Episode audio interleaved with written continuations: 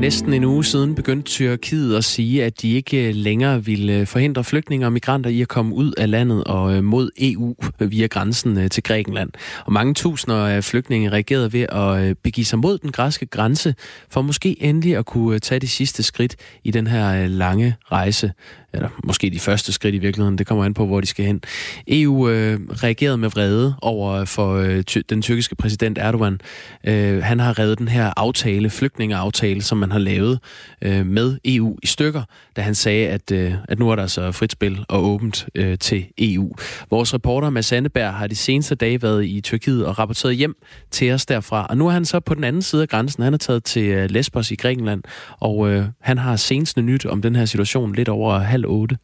Imens så frygter de danske politikere, at vi snart ser en masse migranter gå på motorvejene op igennem Europa igen. Regeringen taler om en asyl-nødbremse, som kommer til at stoppe dem fra at komme til Danmark.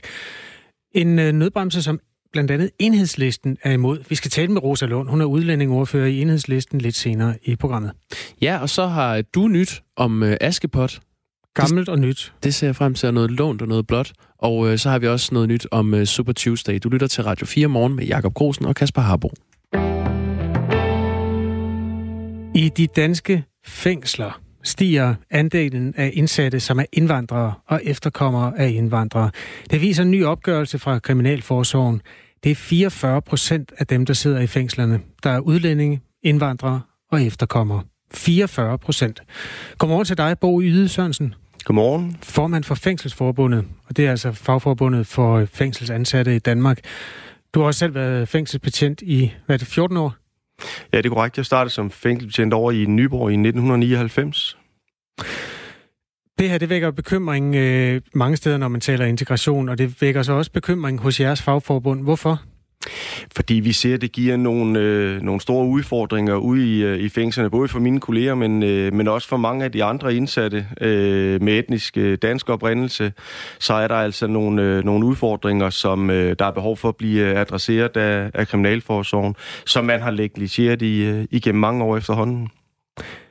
Hvad er øh, det største problem ved, at, at det, at de fængselsindsatte er sammensat, som de er, med 44 procent med anden etnisk baggrund end dansk? Jamen, jeg vil godt starte med at sige, at selvfølgelig skal vi huse øh, de indsatte, der bliver, der bliver sendt til os af domstolene. Det er bare vigtigt, at, at, at vi gør det på en måde, så, øh, så alle kan være der. Øh, og desværre så ser vi, at, at, at øh, man forsøger på at pådute en, øh, en kultur og nogle normer, som vi ikke sådan normalt øh, forbinder med, med, med kongeriget her. Hvad er det for en kultur? Øh, jamen, det kan eksempelvis være, at den mad, der må spise spises øh, på, øh, på, på en given øh, fængselsafdeling. Der må ikke lave svinekød i, øh, mad med svinekød i, øh, i, øh, i fælleskøkkenerne, bare for at tage et enkelt eksempel. Jeg har også øh, selv oplevet eksempler på, at, at indsatte uden muslims baggrund øh, er blevet påduttet øh, fredagsbøn eksempelvis. Øh, der er en lang række uhensigtsmæssigheder i det. Er det simpelthen en religionskrig, der er flyttet ind i fængslerne? Altså islam, som bliver påduttet øh, som du oplever det, med nogle af de Ej, andre? Det, det, det, er, det er nok lige at stramme buen øh, alt det meste, men, men jeg har set eksempler på det, men, men, men det er ikke hverdagskost. Men, men vi ser en masse øh, små eksempler på, at det giver nogle store udfordringer, øh, fordi de pådutter den her... Øh, anden generations indvandrerkultur over for de, øh, over for de etnisk danske, øh, og i øvrigt også over for, for andre minoriteter, vi har i, i fængslerne. Hvordan er det kommet dertil, at man ikke har tingene under kontrol? Altså fængslet er jo i, den, altså i virkeligheden det sted, hvor man tager folk under kontrol på alle tænkelige måder. Hvorfor kan man ikke styre dem derinde? Ja, det tror jeg egentlig også godt, øh, man kan, men, men, men der har igennem en årrække været en, en, øh, en berøringsangst over for, øh, for den problematik her. Øh, jeg ved, at både jeg selv, men også mange af mine kollegaer har øh, gentagende gange påpeget, at vi, vi er nødt til at se på, hvad, hvordan håndterer vi det her. Men, øh, men efter min opfattelse, så får det lov til at køre for længe. Øh, og så kommer der til et tidspunkt, hvor vi er nu, hvor vi jo simpelthen ikke er personale i fængslerne længere, så er det ganske svært at dæmme op for, fordi det er fængselsbetjentene, der opdager, når der er noget galt derude. I har jo været vant til at skulle håndtere rockere, for eksempel, som også er en gruppe af kriminelle, som virkelig er hårdere at have med at gøre, og som er vant til at lave deres egne regler. Er der nogen sådan væsentlige forskelle mellem dem, nu tager vi etnisk danske hvide rockere, som har været i fængslerne i mange år, og så de, de her øh, forskellige grupper af indvandrere, som du beskriver nu? Ja, det, det er to forskellige problematikker, fordi på, på, på de, øh, de etniske, øh, der har man øh, den her frygt for, for, for racismekortet bliver trukket.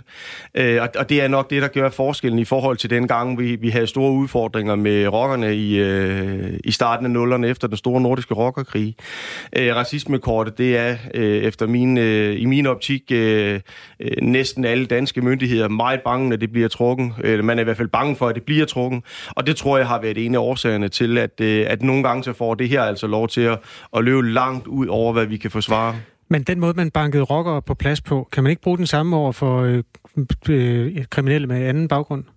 Jo, det kan man godt, og, og det gør man også i en vis udstrækning med dem, som har øh, bandetilførselsforhold og andre. Men, men jeg vil lige ved at sige, de almindelige øh, indsatte med, med, med etnisk baggrund, dem har man siddende på de almindelige afdelinger. Problemet er, at tætheden af dem, den er så stor, øh, så de overtager fuldstændig styringen. Og når vi ikke er ude på afdelingerne, og det er vi ikke, for vi er ikke mandskab i fængslerne, så kan vi ikke detektere det, og vi kan ikke øh, sanktionere det.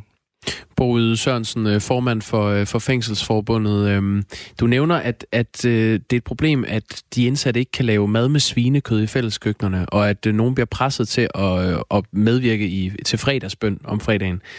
Hvor stort et problem er det? Hvad er omfanget på, på de problemer? Jamen, problemet er jo, at, at, at man øh, alene er sanktioneret af staten på sin frihed. Man er jo ikke sanktioneret af andre kriminelle på sin frihed.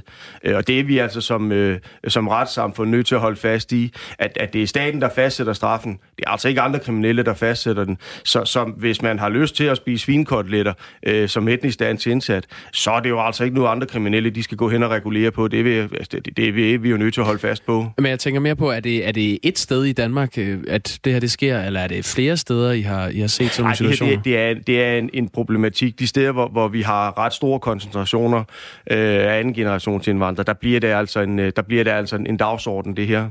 Det er det, jeg hører fra mine kolleger.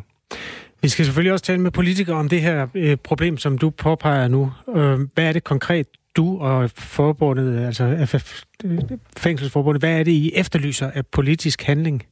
Jamen først og fremmest så øh, efterlyser vi, at der er fængselsbetjente i fængslerne. Det er sådan øh, startpakken, vi skal igennem. Kan du lige beskrive, hvor meget er der, og hvor meget mangler der, når man ser det med jeres optik? Altså, hvor... Ja, vi mangler, øh, for at komme tilbage til, til, øh, til normaltilstanden i øh, en dansk kriminalforsorg, så mangler vi 500 fængselsbetjente. Øh, vi hvor mange er det altså på en afdeling, hvor der plejer at være? Hvor mange mangler Ja, det er et godt spørgsmål. Vi har mange forskellige typer afdelinger øh, i kriminalforsorgen, så det kan man ikke sådan øh, øh her øh, på et kort radiointerview øh, øh, redegøre for. Men, men, men, men på landsplan mangler vi cirka 500 fængselsbetjente. Det er 20 procent af den samlede styrke, øh, og, og, og det giver sig altså udslag i, der er stort set ikke personale ude i virkeligheden længere. Vil det sige, at der, altså, når der mangler en i, i vagtplanen, som der, der måske gør, fordi der ikke er nogen, der kan blive ansat i den ledige stilling, er der så bare færre til at passe det samme stykke arbejde? Ja, altså, og økonomien den krasser jo eksempelvis her i, i Midt- og Nordjylland. Der har man lige måttet skære 18 millioner kroner, og det betyder, at man har fjernet sikkerhedsposter i alle vores små resthuse. Man fjerner øh, bemandingen på de lukkede afdelinger på øh, fængslerne Nørre Snede, Kravsgaard Hede. Jeg var på Kravsgaard Hede her for en, en måneds tid siden. Der gik to kvindelige prøvebetjent med tre måneders argentinitet og passede 100 kriminelle, det, så, så siger det sig selv, så kan vi altså ikke se, hvad der foregår på, et, øh, på, på en fængselsgang. Det her det er jo selvfølgelig en øh, politisk overbygning, vi går ombord i lidt senere i programmet. Har du et spørgsmål, som vi skal tage med, når vi skal tale? Vi skal blandt andet tale med SF's ordfører om de her problemer i, i fængslerne. Er det noget, du vil spørge om, Bo Ide Sørensen? Nej, jeg, jeg tror, jeg har været øh, ret bredt omkring øh, den her problematik, både her i programmet til morgen og også sådan mere generelt. Men, men, men det, vi efterlyser, det er simpelthen en politisk vilje til at hjælpe Kriminalforsorgen ud af den dødsspiral, vi er i i øjeblikket, fordi vi er meget tæt på at havne i samme situation, som, uh, som Skat gjorde uh, for 15 år siden. Vi er simpelthen ved at afvikle Kriminalforsorgen. Tak fordi du kom. Selv tak. Bo Ide Sørensen, formand for Fængselsforbundet. Det er SF's ordfører, som vi skal tale med om de her problemer lidt senere i programmet. Med det er klokken blevet kvart over syv. Og øh, nu skal vi igen vende blikket øh, tværs over Atlanten til øh, USA, hvor vores øh, kollega her på Radio 4 Morgen, Stine Krohmann Dragsted, hun følger Super Tuesday. Altså øh, den her dag, hvor hele øh, 14 delstater i USA har stemt om, hvem der skal stille op imod Trump ved præsidentvalget i november. Og øh, Stine, du er med os igen. Sidste time, der øh, kunne du fortælle os, at det, øh, det ser ud til at blive et kæmpe comeback for øh, Joe Biden. Er der noget nyt siden sidst? Det er der. Øh, der er simpelthen sket det, at øh, vi nu har mange flere tal, der er kommet ind fra, fra Texas, som jo altså er en af øh, de, det er den næststørste præmie, hvis man kan kalde det det på Super Tuesday. Kalifornien og Texas, det er simpelthen de to lækre biskner, som man gerne ligesom vil sætte sig på. Vi mangler stadigvæk øh, at have resultatet for begge delstater, men i Texas der er der nu sket det, at øh, det her det var en delstat, som Sanders regnede med at vinde. Han førte i meningsmålingerne. Det er en delstat, der har mange, øh, det vi kalder latino voters, altså latinamerikanske vælgere. De har en tradition for at bakke, bakke op om Bernie Sanders. Det er også en stat, Texas, som har en meget ung befolkning. Det er også nogen, der har tradition for at bakke op om, omkring Bernie Sanders. Dem er han meget øh, populær hos. Men øh, det, der har vist sig, det er simpelthen, at øh, de, der, de meget mere midtsøgende demokratiske vælgere, for eksempel for byer som, som Dallas, de har i overvejende grad kastet deres støtte bag Joe Biden, og lige nu der fører han simpelthen i optællingen om Texas. Altså, der er ikke talt øh, alt op endnu. Øh, jeg skal lige prøve at se, nu kigger jeg lige op på, jeg tror faktisk, øh, jeg har ikke lige procenttallet, men altså, vi kan ikke, der er ikke sådan en afgørelse nu, men det ser i hvert fald ikke ud som om, at Bernie Sanders han vinder stort i Texas. Det er en overraskelse. Øh, så det derfor jeg, kan vi sige, at for det fire dage jeg, siden, ikke? Ja, Stine, ja. Det, det er jeg simpelthen nødt til lige at komme til på. Det synes jeg er overraskende, at det ikke er overraskende, at en socialist ikke vinder i Texas. Altså, øh, du siger, der er en masse latinoer, men alligevel Bernie Sanders, han er jo, han har flere gange nævnt Danmark som et, øh, et paradis, og han, øh, han, han er mere socialistisk, end man er vant til. Hvordan, hvordan kan det ikke være overraskende, at, øh, at øh, ja, nu skal vi passe på, hvor mange siger man ikke, ikke, men at, ja, at Joe Biden vinder, hvordan kan det være Sådan kan du sige det, ikke? Det, jeg kan godt se, ja, Texas, ikke? Cowboyland og sådan Præcis. olieproduktion og øh, sådan et sted, hvor vi har øh, serierne Dollars og Dallas fra og så videre. Men, men du skal bare lige skille ad, når vi taler om demokratiske vælgere fra Texas, og vi taler, taler om republikanske vælgere fra Texas. Og her taler vi altså om demokratiske vælgere fra Texas, mm. og de er øh, meget mere venstreorienteret end det billede, vi normalt har af Texas. Og så er Texas altså en, en stat, som har ændret sig meget i forhold til måske, hvordan øh, danskere normalt opfatter den som sådan en konservativ, traditionel stat med øh, cowboyder og så videre. Altså det er en stat, som der er rigtig mange, der er flyttet til. For eksempel sådan et område som, som Houston og som et område som Dallas. Det er et sted, hvor rigtig mange fra resten af USA, unge familier er flyttet til. Så de har fået øh, rigtig mange sådan mere veluddannede uddannet øh, sådan profe- den professionelle klasse i Texas, og det har altså også ændret øh, sammensætningen af vælgerne, specielt i den demokratiske fløj. Så øh, Bernie Sanders så ud, som om han ville vinde. Det ser ud som om, at det kunne være Joe Biden, han også øh, laver en stor overraskelse og vinder der. Og det sidste, jeg lige skal sige, det er, øh, øh, hvor vi for ja, bare fire dage siden, ikke? altså i lørdags, der sad vi alle sammen og sagde, hvis Joe Biden ikke vinder i South Carolina, så kan han ikke overleve. Nu er det hele vendt om på en tallerken. Nu kan vi sige, hvis Bernie Sanders ikke vinder Kalifornien, og det resultat har vi ikke endnu, så er øh, det her øh, den her revolution, som vi måske troede, eller som Bernie Sanders i hvert fald håbede, ville skylle over USA i dag her på Super Tuesday, den har mødt en gevaldig vejspæring. Øh, så vi, det kommer til at tage tid, før vi får resultat for Kalifornien. Øh, jeg kan fortælle, jeg kommer til at sige, at valgstederne var lukket for en time siden. Det burde de også have gjort. Det har de faktisk ikke alle sammen. Der er kæmpe problemer blandt andet i Los Angeles, hvor de lige nu har delt pizza ud til, til frede vælgere, der stadig står i kø. Åh oh, nej, ikke igen. Hvad, hvad er der sket med de andre kandidater? Uh, vi havde jo også uh, Mike Bloomberg, yeah. New, York, New Yorks uh, borgmester, uh, og den her mediemogul, som jo har satset en stor del af sin formue på at, at stille op, og han stillede først op her til, til Super Tuesday. Han har klaret sig så dårligt, at han i de fleste delstater ikke fik over de her 15 procent af stemmerne, som man skal få for overhovedet at få nogle af de delegerede, som altså det, man samler på for ligesom at vinde nomineringen. Så det her uh, Super Tuesday, hvor han ligesom sagde, nu skal I bare se, nu kommer jeg ind for Venstre og overtager det hele, det sætter et kæmpe spørgsmål ved øh, Mike Bloombergs øh, eksistensberettigelse. Hans, øh, hans havde ligesom sagt, Biden han er ikke valgbar, øh, Bernie Sanders han er for venstreorienteret, så nu kommer jeg og redder demokraterne. Øhm, og, og sådan ser det altså ikke ud til at gå. Så nu har jeg jo en gang spået helt forkert øh, med Joe Biden, som jeg troede havde øh, reddet ind i solnedgangen, men altså jeg vil alligevel gerne våge øh, og lægge hovedet på blokken igen. Jeg tror simpelthen, det må være slut for Mike Bloomberg. Ikke med at støtte demokraterne, men med selv at stille op øh, på, snart efter den her Super Tuesday. Det er en kæmpe fiasko for ham. Og lige til sidst kan vi sige Elizabeth Warren, som er den eneste kvinde, der er tilbage. Hun er senator for øh, Massachusetts. Hun øh, også et kæmpe nederlag til hende. Hun vandt ikke engang sin egen hjemstat, altså Massachusetts. Den gik til Joe Biden. Så alt tyder altså på, at det bliver enten Joe Biden eller Bernie Sanders, der bliver kåret som øh, demokraternes præsidentkandidat og stiller op i, øh, imod Donald Trump senere i år. Øh, hvad er de store forskelle på de her to øh, mænd politisk? Ja, altså Bernie Sanders, han er jo den her erklærede demokratiske socialist, som man kalder det. Øh, og han kan i høj grad tage æren for, at langt de fleste unge amerikanere, altså dem under 35, de mener i dag, at socialisme det er et plusord, og det ellers i mange, mange år har været et fyrord herover i USA. Øh, Bernie Sanders han vil indføre universel øh, sundhedsforsikring. Øh, han vil have mindsteløn på 15 dollar i timen. Han vil også have gratis øh, videregående uddannelser, øh, vuggestuer, børnehaver, der er finansieret over skatten. Så alt i alt noget, der ligger meget tættere på det, vi kender fra en dansk velfærdsmodel. Ja, vi betaler en formue for, øh, vi betaler en formue for, for vuggestuer og børnehaver her i landet, så det er jo mere dansk end Danmark, det han foreslår der. Det var en god tagline.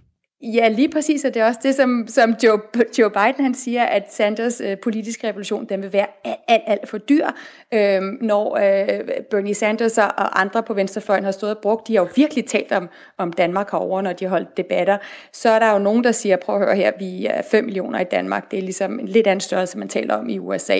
Joe Biden, han øh, siger altså, at den her revolution, den er alt for dyr, den er alt for drastisk.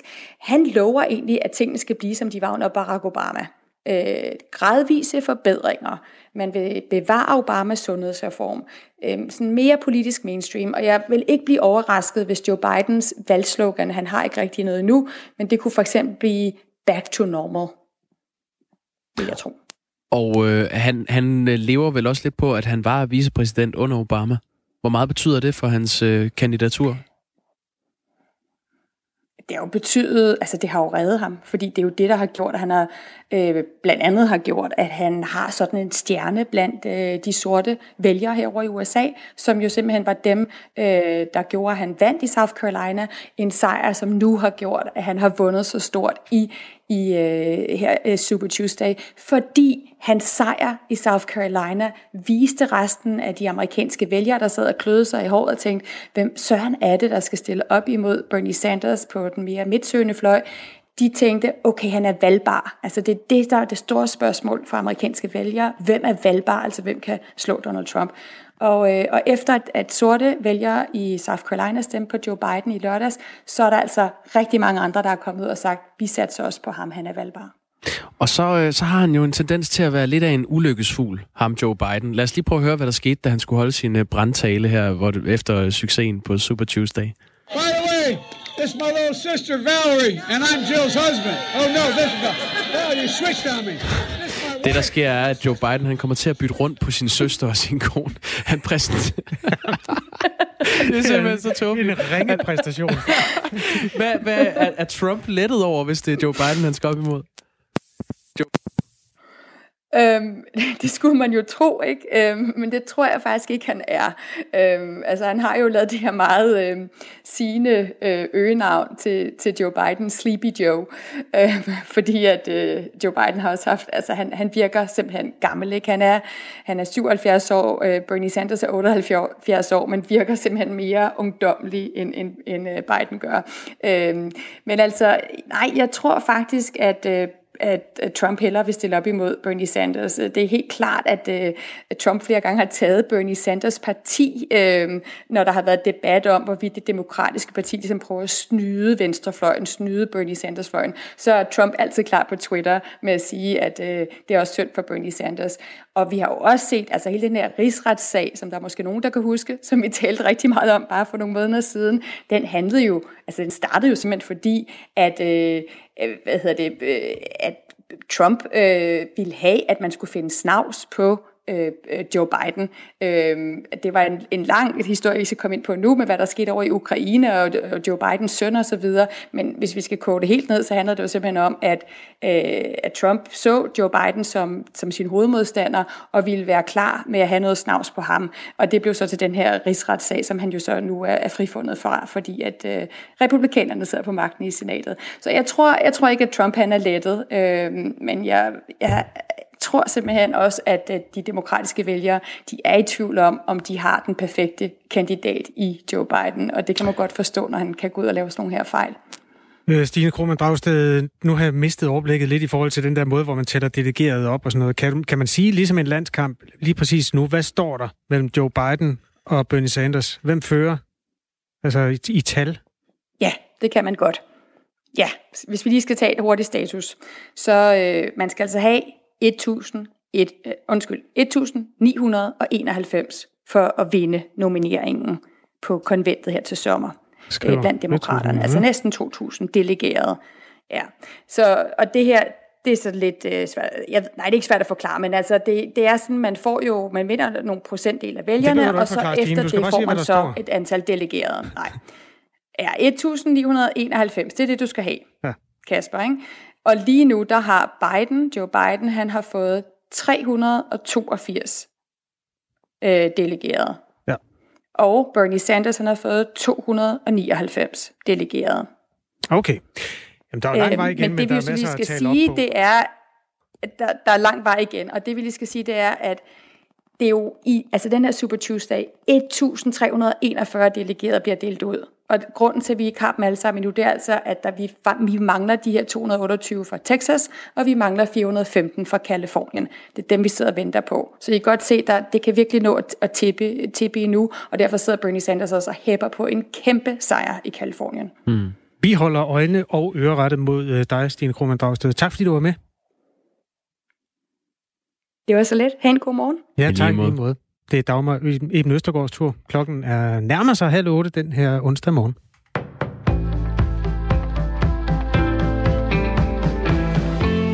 Regeringens forslag til en ny fordeling af pengene mellem landets 98 kommuner er alt for skæv. Det mener 40 borgmestre fra hele landet, skriver DR. De har i de seneste uger holdt møder på kryds og tværs og har nu sendt et fælles brev med otte anbefalinger til regeringen og de partier, der lige nu forhandler om et nyt udligningssystem. Der vil nemlig være alt for stor forskel på velfærden fra kommune til kommune, hvis regeringens udspil altså bliver virkelighed, lyder advarslen. Derfor så efterlyser de nu endnu mere udligning fra de rige til de fattige kommuner. Vi er rigtig mange borgmestre. Vi er altså 40 borgmestre, der siger, det her bør I kigge på. Og det tror jeg vægter specielt, fordi det er borgmestre spredt på de to store partier, siger Ib Lauritsen, der er fra Venstre og borgmester i Ikast Brande til DR. Udover 18 borgmestre fra hver af de to store borgmesterpartier, Socialdemokratiet og Venstre, så har borgmestre fra Dansk Folkeparti, De Radikale, Alternativet og Lokallisten i Guldborgsund også underskrevet brevet. I brevet til regeringen og forhandlingspartierne, der skriver de 40 borgmestre med store bogstaver, at reformen ikke må tage udgangspunkt i ideologiske politiske hensyn eller ønsker om at beskytte eller straffe konkrete kommuner eller kommunetyper. En ny udligningsreform skal tage afsæt i kommunernes økonomiske udgangspunkt, lyder det altså i brevet. Med det, der forløbig ligner otte sejre ved demokraternes i alt 14 primære valg i dag, Super Tuesday, så har Joe Biden fået noget nær en drømmestart i kampen om at blive demokraternes præsidentkandidat. Holder prognoserne fra CNN og nyhedsbureauet AP stik, så står den tidligere vicepræsident under Barack Obama til sammen til 559 delegerede, fordelt over de otte stater, der blandt andre tæller North Carolina, Virginia og Massachusetts. Antallet af delegerede, der er på spil på Super Tuesday er i alt 1357. Det kræver 1991 delegerede endeligt at sikre sig nomineringen som demokraternes præsidentkandidat. Bernie Sanders han står til at vinde i fire delstater. Han står også til at vinde Kalifornien, der er den stat med flest delegerede. Men man mangler altså stadig svar på, hvordan det er gået i Texas, der er staten med næstflest delegerede. Faggrupper såsom fængselsbetjente og politifolk, de hjemsøges af PTSD, posttraumatisk stress, der kan vise sig i form af depression, angst og stress. Det viser en kortlægning fra VIVE, det Nationale Forsknings- og Analysecenter for Velfærd, som er udarbejdet for Justitsministeriet, skriver Berlingske. Her svarer 4 procent af de adspurgte fængselsbetjente, at de er diagnostiseret med PTSD. Samtidig så opfylder yderligere 13,5 procent af de adspurgte de såkaldte diagnosekriterier for PTSD. Blandt politifolk der er tallene lidt lavere. Det er første gang, at omfanget af PTSD blandt danske betjente er blevet kortlagt. Resultaterne de bygger på en spørgeskemaundersøgelse blandt mere end 11.000 nuværende politibetjente og knap 2900 nuværende fængselsbetjente. Tallene de tegner ifølge justitsminister Nick Hækkerup et alvorligt billede, og over for Berlingske, der siger han, at der er brug for at styrke indsatsen.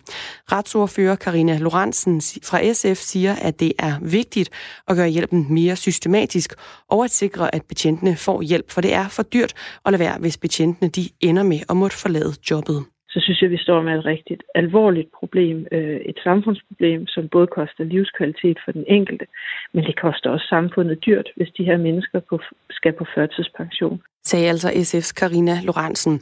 Kortlægningen det er en del af en større undersøgelse, som Justitsministeren ministeren bestilte i september 2019, og som forventes helt færdig i august. Her til morgen er der stedvis rimtog i Jylland, og ellers så får vi lidt eller nogen sol, men også enkelte byer ifølge DMI. Efter en kold morgen, så stiger temperaturen til mellem 5 og 7 grader i dag.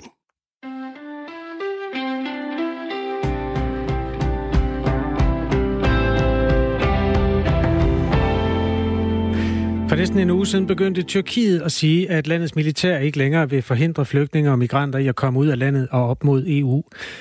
Og der er altså mange tusind flygtninge, som har reageret ved at give sig op mod den græske grænse, for måske endelig at kunne tage det sidste skridt, eller i hvert fald øh, et forløbigt øh, punktum på en rejse til et øh, nyt og bedre land.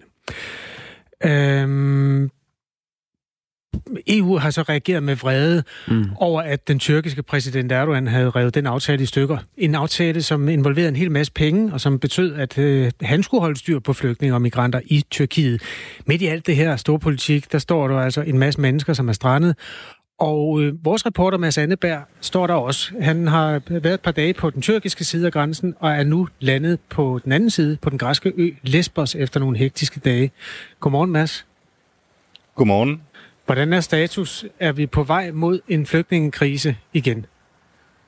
Øh, det er svært at sige. Altså ikke endnu er vi ikke. Øh, man kan sige, der hvor, der hvor man lidt allerede kan mærke konsekvensen af Erdogans beslutning, det er her på, på de græske øer, hvor jeg lige er, er landet på, på Lesbos altså.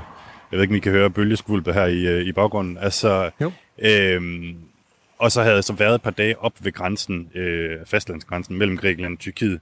Og der var det jo altså sådan, at grækerne mm, relativt hårdhændet øh, og succesrigt også altså forhindrede folk i at, øh, at krydse grænsen. Så det vil sige, der er ikke... Øh, øh, der var nogen, der sagde, at der gik hul på Europa i 2015. Jeg brugte den formulering. Øh, det er ikke sket endnu. Der, hvor øh, mange tog opstilling, det var så på den landfaste grænse. Den var et par hundrede kilometer eller sådan noget. Og så er der den anden vej, som man kan tage ind over nogle af de græske øer, hvor du står på en af dem. Øhm, hvor langt er der i gummibåd ud til øh, for eksempel Lesbos, hvis man starter et sted øh, fra Tyrkiets kyst?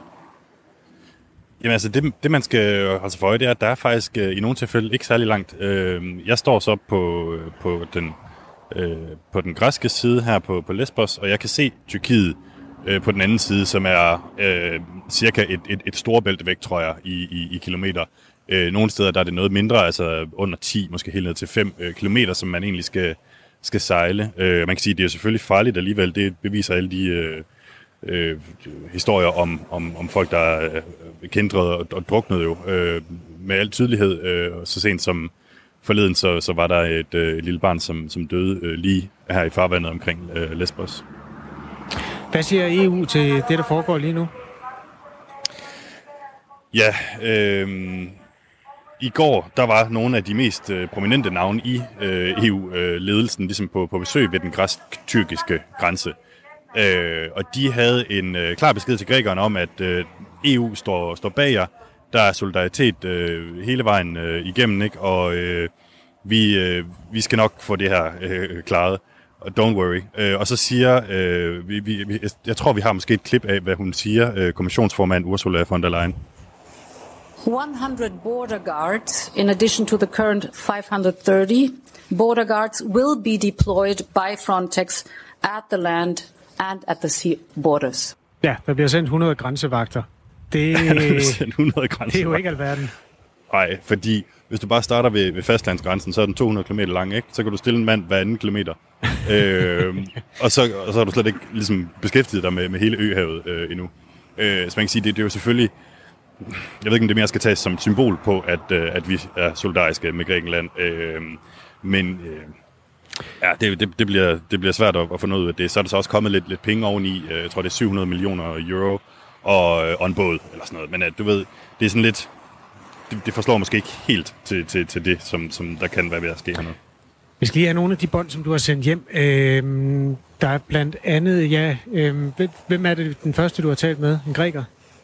Ja, det er faktisk i, i den her sammenhæng også, altså i den her forbindelse, øh, på om, om, om EU ligesom hjælper grækerne nok. Øh, jeg skulle jeg overnattede i Athen på vej til, til Lesbos her, og så øh, min chauffør, som ligesom skulle køre mig tilbage til hotellet, han hed Konstantinos. Han, øh, han havde i hvert fald en mening om, øh, om den her sag, øh, på om, om EU ligesom gør nok for at hjælpe Grækenland. Vi kan lige prøve at høre det, det første klip med ham øh, her. Og det er vist Hello. det andet klip. Hello. Checking in. Yeah. Madsen. Yes. Niborg. So do you have flight tomorrow morning? Yes. It's at uh, it's at a quarter past seven. Quarter past seven to? Uh, to Lesbos. To Le- oh. oh. Be careful there, my friend. No. Many idiots. En flinke mand. Lad os lige prøve at se det andet klip, du har sendt med ham også her, øh, efter han har ja, advaret det om, at det... Jo, hvis jeg bare lige skal sige et enkelt ord om, om det her klip, så er det jo sådan set bare det der med, at du ved, grækerne, de er ikke sådan... De, de var sådan lidt, nå, Lesbos, fuha, det var ikke, øh, det, var, det var ikke så fedt. altså, øh, fordi der, der har været mange historier hernede fra om, hvad skal man sige, øh, øh, vold øh, fra, fra højre øh, øh, ekstreme øh, mennesker og sådan noget. Øh, men lad os prøve at tage et andet klip, som vi egentlig fiskede efter til at starte med. Here in Greece especially, we have a, that very serious problem about the refugees and immigrants. I don't know what happened. We'll see. The European Union don't uh, give the, the right money, I believe so. Not in us, not to Turkey also. And uh, we can handle this situation here in, our, in my country. We cannot accept so many thousands uh, without papers, the most of them.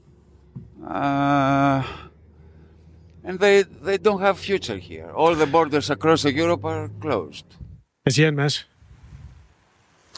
Han siger, at øh, EU gør ikke nok. Altså, at EU skulle sende nogle flere penge herned til at hjælpe dem med at, øh, hvad skal man sige, tage sig af de her flygtninge, som er kommet lige siden 2015, og som stadig sidder øh, på de græske øer og rundt omkring i Grækenland.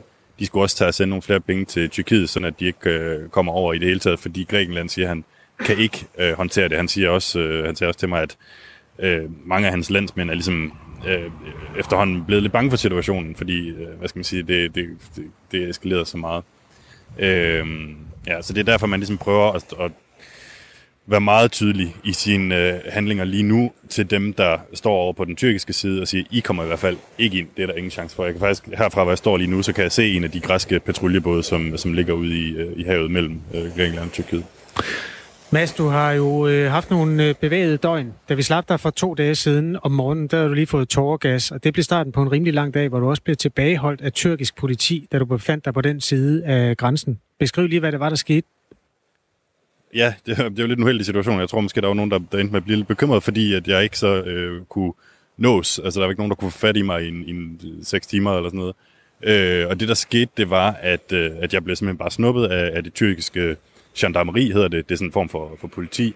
Øh, så blev jeg sat i sådan en lille bur. Øh, jeg tror, det var, det var måske der, hvor de havde vores, deres generator eller sådan noget, ligesom inde i sådan en gård hen ved, lige hen ved grænsen, øh, sammen med en anden mand, og fik at vide, at, at jeg havde opholdt mig i en militær zone eller sådan noget. Det var fordi, jeg var helt hen ved, øh, helt hen ved grænsen, og det havde vist været okay dagen før, havde jeg lavet mig forstå, men det var det så ikke der øh, mandag, hvor, hvor, hvor jeg var der tilfældigvis. Øh, men der var så stadig de her mange tusinder af flygtninge og migranter, som, som var i området, og, og, og det var jo ikke noget problem. Så stod jeg ligesom der, og du ved, kunne, kunne få endnu mere tårgas i, i, i øjnene og sådan noget, inden jeg blev flyttet øh, til stationen inde, inde i byen, altså sådan, det ved jeg ikke, 5-10 kilometer derfra. Øh, og der måtte jeg så sidde, altså jeg tror, jeg endte med at være tilbageholdt i alt syv timer. Øh, man kan sige, i starten, der, der var det bange for, om det var noget politisk, øh, men, men i virkeligheden så tror jeg simpelthen bare, det handlede om, at de gerne ville sende et signal om, at journalister ikke skulle være i, i det område der af, af en eller anden årsag. Og, og så tog det bare ekstremt lang tid, hvor jeg ikke ligesom vidste, hvad, hvad der skete. Altså, der var nogen, der sagde, at der ville blive oprettet sådan en, en altså, efterforskning fra... Jamen, så skal du bare, masse øh, på bagsiden af dit danske pressekort, der står der, at det giver adgang gennem politiafspæringer. Det skal du bare blafre med næste gang, du står med sådan en flok tyrkiske paramilitære styrker der. Jeg kan godt være, at jeg lige skal have det oversat til, til tyrkisk. Det kan du godt prøve. Mads Anneberg er altså vores reporter på grænsen i øjeblikket mellem øh, Grækenland og Tyrkiet, nu på den græske ø Lesbos, hvor bølgerne skulper og øh, gummibådene vugger i Middelhavet. Mads, pas på dig selv. Tak fordi du var med i Radio 4 morgen den her omgang. Selv tak. Klokken ja. er ja, 7.42. Det er korrekt, og øh, vi taler om det her, fordi Tyrkiet øh, fredag valgte at åbne grænsen øh, mod EU for de her øh, mange migranter, der ellers har siddet i, i venteposition i Tyrkiet. Og øh, Grækenland, som er det her første EU-land på den anden side af grænsen fra Tyrkiet, har svaret med torgas og totalt øh, hermetisk lukkede grænser. Men den her frygt for, at, øh, de, at flygtninge og, og migranter kommer til Danmark, øh, betyder, at regeringen nu for første gang taler om at gøre brug af den såkaldte asylnødbremse. Og nu skulle vi gerne kunne sige godmorgen til Rosa Lund, udlændingeordfører i Enhedslisten. Godmorgen, Rosa Lund. Og det kan vi vist ikke. Altså, vi kan i hvert fald godt sige godmorgen, uanset om hun jeg kan prøver, høre. Fordi nu prøver jeg lige at sige godmorgen til hende på en anden linje. Godmorgen, Rosalund. Nej. Nej, Jacob. Vi prøver simpelthen at... Så hun er ikke på telefonen, kan jeg se. Okay. Hmm. Godmorgen, Rosalund. Der var du. Godmorgen. Hov, der var hul igennem. Rosalund, asylnødbremsen. Det er det, vi skal tale om. Øh, det betyder, at, at Danmark kan lukke grænsen for alle asylsøgere. Øh, du mener ikke, at, at regeringen skal lukke grænsen på den måde, som, øh, som Mathias Tesfaye har talt om. Hvorfor ikke? Jeg synes, der er flere problemer i det her. For det første, så synes jeg ikke, at man kan tale om en nødbremse, altså som om det var os, der var i nød. Det er jo de mennesker, der er på flugt, der er i nød. For det andet, så har jeg meget svært ved at se, hvordan det skal kunne lade sig gøre i praksis. Altså, det er jo sådan, at øh, når man søger asyl i Danmark, så er der jo nogen, som, som står ved grænsen, men det foregår jo faktisk ofte sådan, at, øh, at, at der står nogle asylansøgere oppe ved Sandholmlejren, øh, oppe i Allerød. Øh, så så det, derfor har jeg meget svært ved at se, hvad den her, øh, altså, hvordan den her asyl bremse, såkaldte asylnødbremse skulle fungere i praksis. Øh, og det tredje er, at det jo ikke løser øh, noget som helst. Altså det er jo ikke sådan, at mennesker holder op med at være på flugt, fordi Danmark lukker grænsen. Den her nødbremse, den blev øh, indført kort efter regeringsskiftet i, øh, i 2015 som konsekvens af den øh, flygtningebevægelse, der var på de danske motorveje på det tidspunkt. Og øh, asylnødbremsen, den kan iværksættes, hvis antallet af asylsøgere pludselig stiger drastisk. Øh, med den her nødbremse, så har regeringen mulighed for at lukke grænsen for alle asylansøgere, hvis der opstår en, øh, en krisesituation, hvor Dublin-samarbejdet, som man øh, refererer til her, reelt er brudt sammen. Øh, hvis flygtninge igen, Rosalund, kommer øh, til at bevæge sig mod Danmark, øh, hvordan skal vi så reagere, hvis de når vores grænse? Jamen, jeg synes jo, den eneste rigtige måde at reagere på, det er at behandle de her menneskers asylansøgning i Danmark. Det har vi sådan set forpligtet os på. Øhm, så, så hvis der kommer folk til Danmark, som søger asyl, jamen så skal de have behandlet deres asylansøgning i Danmark. Det er den internationale aftale, vi har indgået, både igennem øh, hvad hedder det, undskyld, både igennem Dublin-samarbejdet, som du selv refererer til i EU, men sådan set også, fordi vi er, er tilhængere af, af flygtningekonventionen. Lad os prøve at være lidt konkrete. Altså, skal vi tage imod alle dem, der ønsker asyl i Danmark, hvis de uh, står ved grænsen? Jamen, hele pointen er, at øh, ikke, hele pointen er jo ikke spørgsmålet om, om folk opnår asyl. Hele pointen er, om vi behandler deres asylansøgning. Det er sådan i Danmark, der er reglerne i forvejen ret stramme for at, øh, for at få asyl. Øh, I øh, i 2015, som, som du også selv refererer til, der var det eneste svar, vi lavede, det var jo ikke kun øh, asylnedbremst. Man strammede jo lovgivningen helt vanvittigt, og det betyder, at det faktisk i 2019 kun er 1800 mennesker, der har fået asyl. Men det samarbejde, vi har indgået i forbindelse med Dublin-forordningen, det internationale samarbejde, vi har, det er jo, at folk skal have behandlet deres asylansøgning i Danmark. Nu nævner du, at, at det var 1800 mennesker, der fik asyl i øh, sidste år i Danmark. Hvis vi hopper tilbage til 2015, øh, som var det helt store flygtningeår, der var i alt øh, i EU, der var der øh, 1,3 millioner mennesker, der søgte asyl. Og det er altså mod 600.000 mennesker året før, altså i 2014. Mm. Og hvis vi igen ser på 2015 her i Danmark, så var der 21.000 øh, asylansøgere, og 10.800 af dem fik asyl. Øhm, til politikken, Rosalund, der, der siger du, at du er klar til at tage fem gange så mange asylansøgere til Danmark som i uh, 2015, hvor vi uh, vist havde det, det største uh, flygtningeryg i, i mange år. Uh, vil det sige, at du er klar til at tage uh, 50.000 flygtninge på et år?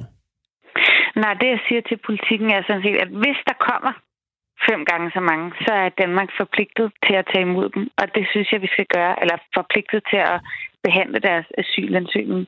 Vores store problem er jo, at, at fordelingen af flygtninge i Europa lige nu er så skæv. Det er også det, vi ser, der sker i Grækenland lige nu. Det er jo dem, der har EU's ydergrænser, som, øhm, som modtager flest asylansøgere. Og derfor er der ikke en færre fordeling. Og der synes jeg, der er klart, at Danmark skal løfte sin del af ansvaret. Jeg synes også, det er vigtigt, at vi måler de her tal op imod, at der sådan set er 70 millioner mennesker på flugt i verden lige nu. Det er altså mange flere, øh, end der har været siden 2. verdenskrig. Så men, vi står jo også i en situation, hvor der er rigtig mange mennesker på flugt i verden. Og det synes jeg, at Danmark skal løfte sin del af ansvaret. Men det er jo også en meget spændende tid på den måde, at det her det er jo bare begyndelsen der er jo en befolkningstilvækst i blandt andet Afrika, som gør, at det her det er jo et, et, et problem, som, eller en udfordring, øh, alt efter sprogbrug, som er kommet for at blive. Der er nogle af vores lyttere, som er mere kritisk indstillet, og jeg tror, vi skal have et par af sms'erne, der er kommet ind. Øhm, mener du, sluserne bare skal være åbne, så hele flygtningestrømmen, uanset hvor stor den måtte være, skal have mulighed for at søge asyl i Danmark? Spørger lytter. Mm, jamen altså, sluserne er jo ikke åbne. Øh, vi har en meget, meget stram udlænding. Nej, men mener du, de skal være åbne, lyder det? Jamen, jeg mener, at Danmark skal overholde sine internationale forpligtelser. Det betyder et, at vi skal have en færre fordeling af flygtningene i Europa. To, at vi skal overholde flygtningekonventionen.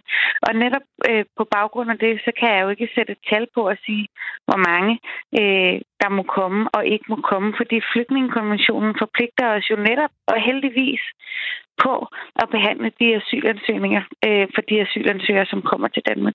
Men der er de ydre grænser, som man så ikke kan gøre mere eller mindre for at passe på.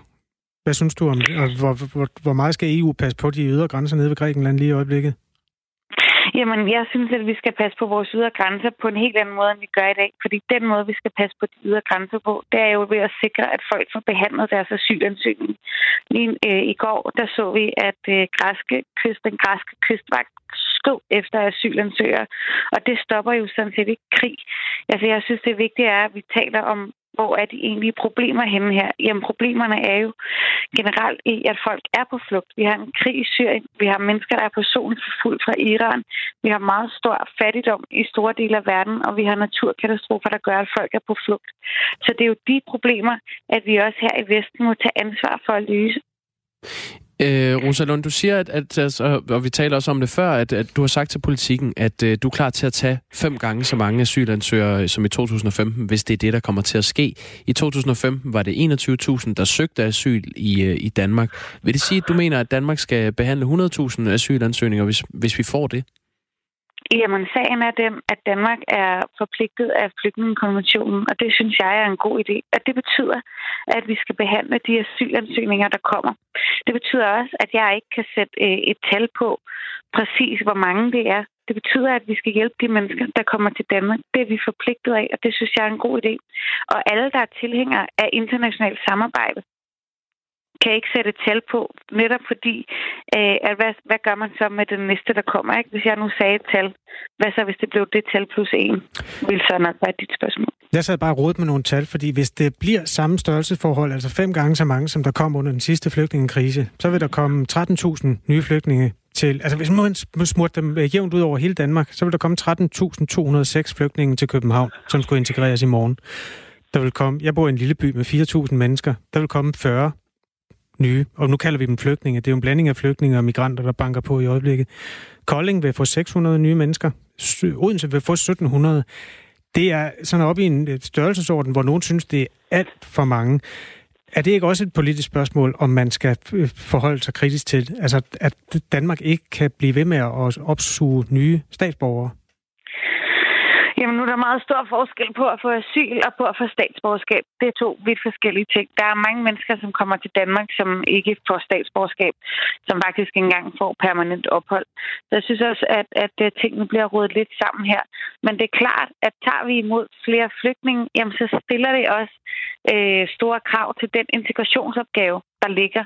Men det synes jeg, vi skal løse. Øh, og så må vi jo også sige, vi ved jo ikke, hvor mange der kommer. Vi, ved, vi aner det jo simpelthen ikke. Og det er derfor, jeg synes, det er så vigtigt, at vi kigger på, hvorfor er det, folk er på flugt, og hjælper med at løse de problemer, der gør, at folk flygter. Altså, vi skal jo for eksempel hjælpe kurderne i kampen mod islamisk stat. Der er masser af mennesker, der er på flugt fra islamisk stat lige nu, og det forstår man jo godt. Islamisk stat er nogle øh, banditter og nogle terrorister, så der skal vi jo hjælpe dem, som forsøger at bekæmpe islamisk stat. Rosa Lund, øh, du bliver ved med at sige, at det handler om, om folk, der, der flygter fra, øh, fra krig, og det øh, er jo også i, til en vis udstrækning sandheden. Men ligegyldigt hvor meget Danmark vil, så har vi jo et punkt, hvor vi ikke kan, kan tage flere øh, nye øh, borgere ind, eller nye øh, ja, mennesker ind i, i, i landet. Hvor er det punkt? Altså det er det, vi er interesseret i at finde ud af med dig. Hvor er det punkt, for dig? Jamen, det, det er klart, at der er en grænse. Selvfølgelig er der en grænse for, hvor mange vi kan tage, men jeg mener, vi er langt fra den grænse, fordi at vi i 2019 tog 1800. Men som jeg også sagde før, det vil jeg gerne gentage, så kan jeg ikke sætte tal på, at det er fordi, jeg mener, det er en god idé, at Danmark er forpligtet af FN's flygtningekonvention. Så du siger, at vi er langt fra grænsen, men du vil ikke sige, hvor grænsen er for dig? Jeg kan ikke sige et tal, fordi at jeg mener, det er en god idé, at Danmark er en del af det internationale samarbejde. Og det internationale samarbejde, det betyder, at vi gennem, både gennem Dublin-forordningen og gennem eh, FN's flygtningekonvention er forpligtet så hvis der kommer en, en massiv flygtningestrøm, så rykker det sig også, hvor din grænse er for, hvor mange vi kan tage? Jamen, jeg kan godt gentage mit svar. Jeg kommer ikke til at sætte tal på, selvom det sikkert vil gøre dit, øh, dit interview en smule nemmere. Altså, øh, vi er forpligtet af FN's flygtningekonvention. Det synes jeg er en god idé, at det betyder, at vi er forpligtet til at behandle øh, de asylansøgninger, der kommer. Der er så bare mennesker, der mener, at man tager bestik af situationen efterhånden, som den udvikler sig. Og hvis for eksempel de konventioner betyder, at Danmark skal tage øh, lad os bare sige, en kvart million nye mennesker ind i altså asylansøgere, at det vil være over en grænse, man kan kapere. Men du har ikke nogen grænse, det er det, du siger. Bare, bare for nej, altså ja eller nej. Nej, jeg siger, der er en grænse, men jeg siger, at jeg ikke kan sætte tal på den grænse. Men selvfølgelig er der en grænse. Der er en grænse, men ingen ved, hvor den er. Jeg siger, at jeg ikke kan sætte tal på, netop fordi, at jeg synes, det er godt, at vi er forpligtet af de internationale konventioner. Men selvfølgelig er der en grænse, men jeg kan ikke sætte tal på. Rosalund. Det kan ingen, ingen mennesker, der er tilhængere af, at Danmark er en del af FN's flygtningekonvention, vil kunne sætte tal på. Det er sådan aftalen er. Det sagde Rosa Lund, udlændingoverfører i Enhedslisten. Tak fordi du var med. Tak. Vi ville jo også gerne have haft et interview med øh, Nick Hagerup, justitsministeren her til lands, om øh, den her asylnødbremse, som man taler om. Og vi vil gerne have spurgt, øh, hvad er det for en en form for fysisk magtanvendelse, man øh, vil gøre brug af for at afvise migranter og, og flygtninge, hvis de nu øh, tropper op og står ved den danske grænse, eller faktisk når ind i landet, før de søger asyl. Men øh, det havde ministeren ikke tid til at stille op til. Klokken er... Nej, vi kan lige tage et par sms'er. Øh, Mikkel skriver, at jeg er træt af, at problemer skal kaldes udfordringer. En udfordring er et problem. Nogen, og det kan være dig selv, med vilje, har påført dig. Citat slut. Mm, problemet er jo også, det er så Jens, han kalder det også et problem. Øh, problemet er jo også, øh, at øh, når de første kommer ind og får deres asylsag behandlet, så nægter de at tage hjem, øh, hvis de får afslag, og så ligger vi igen under for diverse konventioner, som spænder ben for hjemsendelse. Med venlig hilsen, Jens. Øh, tak til Rosa Lund. Stå fast, står der i en sms. Ja. Og så, at, nej, det er en tilsvining. Det, ja, den gider vi sgu ikke læse op, øh, Karsten. Du skal snakke pænt. Øh, tror Rosa Lund, spørger Dan, tror Rosa Lund, at alle de mennesker ved de ydre grænser er reelle flygtninge, eller er hun åben for, at en portion af dem er velfærdsimmigranter, spørger Dan. Vi kan mm. ikke nå at spørge, men det er også et retorisk spørgsmål. Tror jeg, ja, men jeg tror egentlig også, hun taler om, at der både er flygtninge og, øh, og migranter. Klokken den er blevet 5 minutter i 8. Oven på den tror jeg, vi skal have en historie om nogle andre, øh, der flytter sig. Det er en, i den meget mere fredelige afdeling. Hvis man var i Odense Zoologisk Have i mandags, så kunne man være vidne til en meget særlig flytning, fordi der var 40 pingviner, der skulle flyttes, og det foregik simpelthen til fods. De gik en tur. Godmorgen, Sandy Munk, dyrepasser i Odense Zoo. Godmorgen. Altså, det er en re... vi har fulgt den, fordi dyr er på en eller anden måde et godt sted at blive tanket op, når man har med livsens alvor at gøre hele tiden. Så vi har fulgt den flytning i flere forskellige medier, hvor vi kan se de skønne billeder. Øhm, først, altså, hvorfor skal pingvinerne flyttes? De skal flyttes, fordi vi skal i gang med en øh, større renovering af anlægget. Anlægget åbnede i, i 2001 og har haft en lille enkelt renovering siden, men, øh, men ellers ikke. Øh, og det er en stor øh, omvæltning, og det kræver, at øh, rummet bliver varmt op, og pingvinerne kan ikke tåle den her varme, og heller ikke den epoxy, som vi skal behandle med. Så vi var nødt til at flytte dem til et sted, som var bedre egnet til dem. Hvor langt var gåturen? Jamen, det var faktisk en kombi af en øh, gåtur og en lille køretur, og så en gåtur igen. Så de gik en øh, 50 meter ud til bilen, eller egentlig længere, for de gik igennem hele anlægget og køkkenet. Så de gik 100 meter ud til bilen, hvor vi så læste dem ind, og så kørte vi dem over i vores øh, containerafdeling, og der skulle de så også gå de her 100 meter igen.